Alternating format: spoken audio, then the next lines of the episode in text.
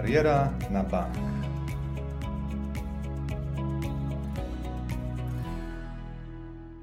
Zapraszam wszystkich na kolejny odcinek podcastu Banku PKSA Kariera na Bank. Powstaje coraz więcej pojęć dotyczących na przykład metod zarządzania projektami i wypracowywania wartości. Abyśmy je efektywnie i z sukcesem mogli wykorzystywać, powinniśmy zrozumieć ich podstawowe zasady. Dlatego dzisiaj z Krzysztofem Kiprowskim z Biura Analiz i Optymalizacji Procesów w Banku PKSA porozmawiamy o metodzie Lean. Wiele osób e, słyszało to pojęcie, natomiast nie wszyscy wiedzą, co się za tym kryje. Dlatego może Krzysztof na początek powiedzmy, co to jest Lean i jakie możemy wykorzystywać i zastosować w swojej pracy. Przede wszystkim dzień dobry.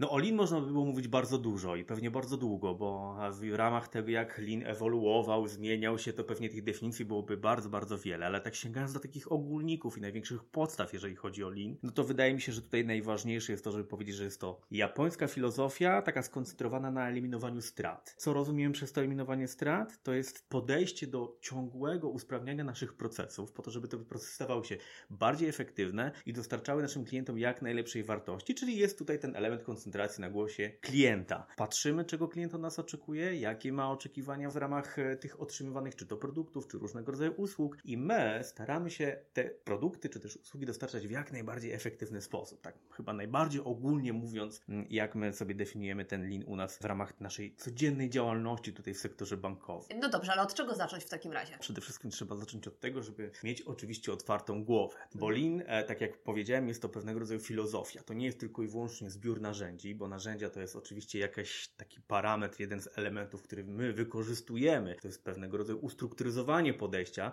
ale chodzi tu właśnie o tą możliwość wpływania na zmiany, zmiany realizowane drobnymi krokami. Czyli ja, jako osoba, która realizuje na co dzień jakieś procesy, mam możliwość do tego, żeby móc bezpośrednio wpływać na to, jak te procesy są właśnie realizowane, jakie osiągamy cele, w zależności od tego, jakie to są procesy, jak te cele przekładają się na przykład na cele organizacji. Gdybyśmy chcieli zacząć od zera, to rozumiem, że powinniśmy przejść odpowiednie szkolenie, które nam pokaże, jakie zasady wdraża Lean i jak możemy je wykorzystywać w pracy. Tak, to znaczy najlepiej jest po prostu wyrównać sobie oczywiście wiedzę w zakresie różnego rodzaju pojęć i no e, narzędzi e, po to, żeby mówić wspólnym głosem, wspólnym językiem i tutaj ten element narzędzi na pewno się pojawia, bo w ogóle mówiąc o takiej implementacji Lean w organizację, to zakłada się takich pięć, czy też e, przyjmuje się takich pięć ogólnych parametrów, o których warto w ramach tego Lean pamiętać, jeżeli chodzi o organizację. Pierwszy to jest na pewno taka autentyczność, czyli dążymy do efektywności i organizacja musi jasno komunikować to, że chce do tej efektywności dążyć poprzez właśnie czy to usprawnianie swojej pracy, usprawnienie tych procesów, które są realizowane w ramach tej organizacji. Dlatego potrzebne jest to, żeby rzeczywiście wziąć w sposób jasny, określić się w ramach strategii, że my jesteśmy organizacją zarządzaną efektywnie i chcemy tą efektywność realizować. To jest pierwszy krok. Na przykład w biurze analizy i optymalizacji procesów teraz ostatnio zaktualizowaliśmy stworzyliśmy politykę zarządzania procesami właśnie między innymi po to, żeby wpisać w to DNA naszej organizacji nie tylko zasady, reguły i odpowiedzialności w ramach tego, jak realizujemy tą naszą strategię mm, efektywnych procesów, ale właśnie również między innymi po to, żeby nadać sobie taki wspólny głos, taką wspólną świadomość i do tego, w jakim kierunku dążymy, do jakich kierunków dążymy, co chcemy osiągać właśnie przez efektywne procesy. Drugi aspekt to jest ten aspekt słuchania głosu klienta. Mhm. I musimy sobie uświadomić, że tu nie chodzi tylko i wyłącznie o tego klienta zewnętrznego, bo my często w organizacji patrzymy, mamy klienta zewnętrznego, ten klient się z nami spotyka, na przykład przy okazji jakichś biznesowych spotkań w oddziale, ale to jest tylko część tego całego zbioru klientów, z którymi my pracujemy na co dzień. Tymi klientami również jesteśmy my dla siebie nawzajem. To jest ten klient wewnętrzny, gdzie osoby, które realizują na co dzień jakąś pracę, w sposób bezpośredni dotykają tych problemów, z którymi musimy się borykać na przykład przy okazji nieefektywnych procesów. I to one mają najlepszą wiedzę. I teraz wymiana tej wiedzy, wymiana spostrzeżeń, budowanie takiego wspólnego zrozumienia jako ci klienci wewnętrzni, co też jest elementem takiego myślenia procesowego, powoduje, że właśnie stajemy się organizacją bardziej efektywną, taką bardziej transparentną, ale też otwartą w ogóle w mhm. taki komunikacyjny sposób, tak? Na rozmowę o tym, co jest ewentualnie w ramach naszej codziennej pracy problemem, nad którym musimy się pochylić. Trzeci aspekt, to ja sobie tutaj zawsze mówię o takich trzech poziomach odpowiedzialności. To jest top management, mhm. mamy management średniego szczebla i oczywiście pracowników i każdy z nich ma do siebie przypisane jakieś określone role. Top management jest odpowiedzialny przede wszystkim za to, żeby żeby budować tą komunikację, że idziemy wspólnie pod jednym sztandarem właśnie w tą stronę i dajemy przyzwolenie na to, że ludzie mają teraz w swoich rękach narzędzia, z których mogą korzystać i z którymi mogą iść na konfrontację z tymi nieefektywnościami i stratami, z którymi,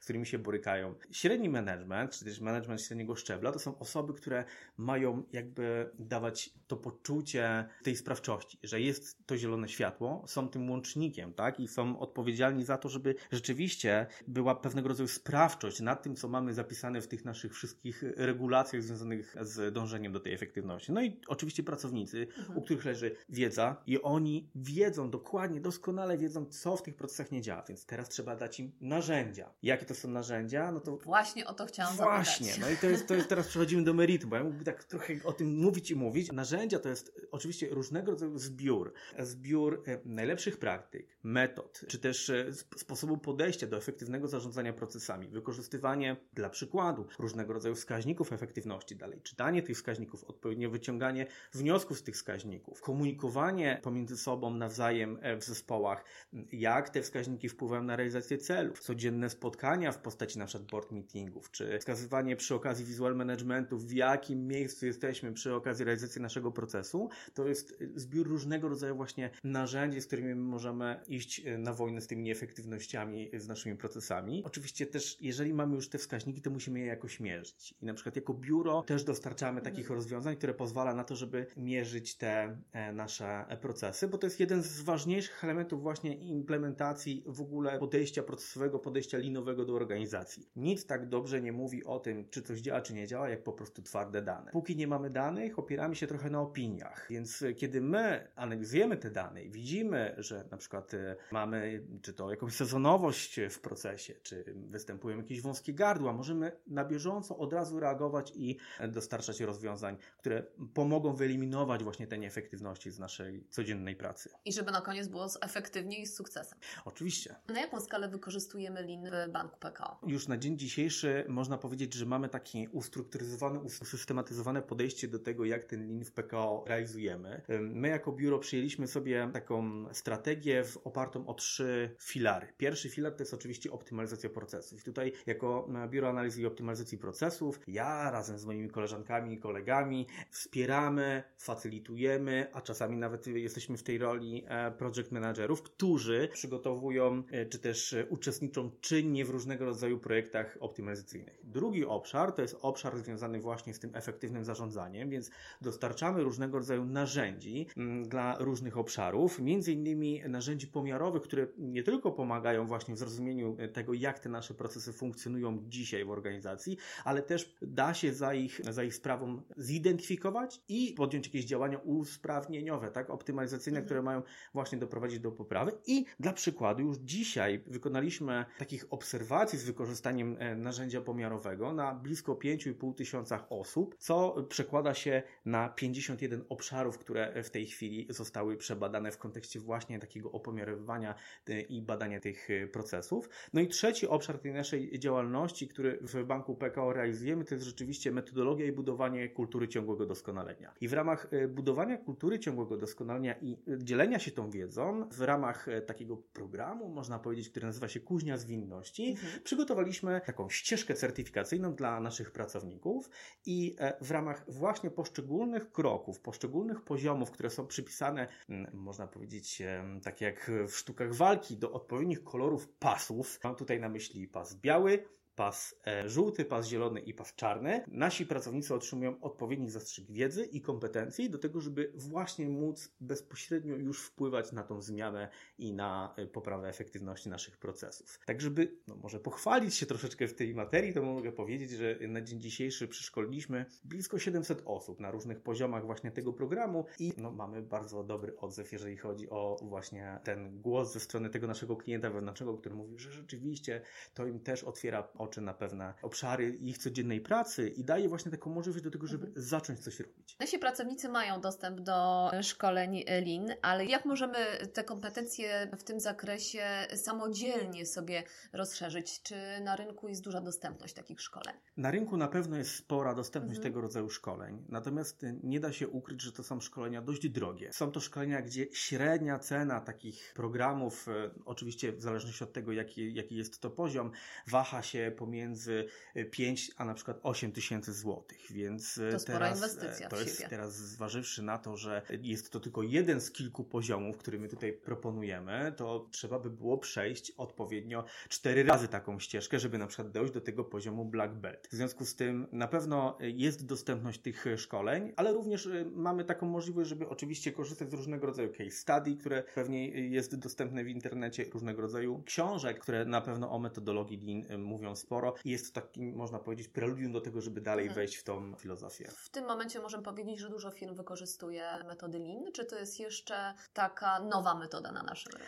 To nie jest nowa metoda. Ja powiem więcej. Ja czasami e, śmieję się i staram się mówić e, do uczestników na przykład naszych warsztatów, że jeżeli chodzi w ogóle o metodologie zwinne, to Lean jest taką matką chrzestną tych, tych metodologii zwinnych, bo jeszcze zanim można było mówić o, jako tako o w ogóle komputerach, to Lean już sobie świetnie dawał radę na przykład w Japonii w tym obszarze produkcyjnym, mhm. ale uniwersalność tej metody jest tak duża, że ona w ramach tej ewolucji, którą przechodziła przez e, różnego rodzaju dostosowania do różnych sektorów gospodarki, dzisiaj jest właściwie wdrażalna, implementowalna w każde środowisko i świetnie sobie tam radzi. Dodatkowo na pewno należy powiedzieć, że jest to y, metodologia, która na przykład w swoich założeniach, czy też w ramach swoich narzędzi łączy się z niektórymi innymi narzędziami, czy też metodologiami zwinnymi, jak na przykład Agile, gdzie w Agile'u korzystamy mhm. z czegoś takiego, co się nazywa Kanban, a Kanban jest wprost wzięty z metodologii Lean, także mm, nie jest to metoda nowa, jest raczej taką metodą, która dzisiaj może ma jakiś swój renesans, albo po prostu towarzyszy nam na co dzień, gdzie już znowu zaczynamy czerpać korzyści z jej dobrodziejstw. A gdybyśmy tak wizjonersko podeszli do metody Lean, czy wyobrażasz sobie, że w przyszłości moglibyśmy bez tej metody działać? Czy na dzisiaj już możemy powiedzieć, że to jest taki must have i w naszych kompetencjach te umiejętności jednak powinny się znaleźć? To jest must have. To jest coś, co dzisiaj odpowiada na współczesny świat, na potrzeby klientów, na to, w jaki sposób zarządzane są organizacje, na jakiej zasadzie. Mamy ten element efektywności, który jest stricte skorelowany z tą metodologią, ale i właśnie ta jej uniwersalność i to, że ona bardzo dobrze łączy się na wielu płaszczyznach z innymi metodami, na przykład powoduje, że chociażby dzisiaj, kiedy mówimy o takim podejściu w y, skoncentrowaniu na rozwiązywaniu tych potrzeb klienta, czy też odpowiadaniu na te potrzeby klienta, przechodząc przez różne metodyki od początku słuchania, empatyzowania z tym klientem, tak, zrozumienia tego jego problemu, to ten lin się też tam zawiera. Na przykład dzisiaj mamy y, takie podejście, że najpierw y, wykorzystujemy design thinking, który pozwala nam zrozumieć trochę mm, właśnie te potrzeby naszego klienta. Następnie tutaj wchodzi ten element linu w postaci pewnego rodzaju odmiany lin, jaką jest lean startup, a następnie przechodzimy do tego zwinnego mm, budowania produktów, jakim jest agile. Więc lean na pewno jest, zostanie z nami na długo i warto, warto go znać. Bardzo Krzysztof Ci dziękuję. Krzysztof Hiprowski z Biura Analiz i Optymalizacji Procesów Banku PKSA był moim i Waszym gościem. Mam nadzieję, że zainspirowaliśmy tych, którzy linu nie znają, żeby je jeszcze bardziej pogłębili wiedzę w tym zakresie. Dzięki serdeczne, a oczywiście wszystkie podcasty Banku PKS-a możecie odsłuchać w Waszych ulubionych aplikacjach podcastowych. Dzięki. Dziękuję. Kariera na bank.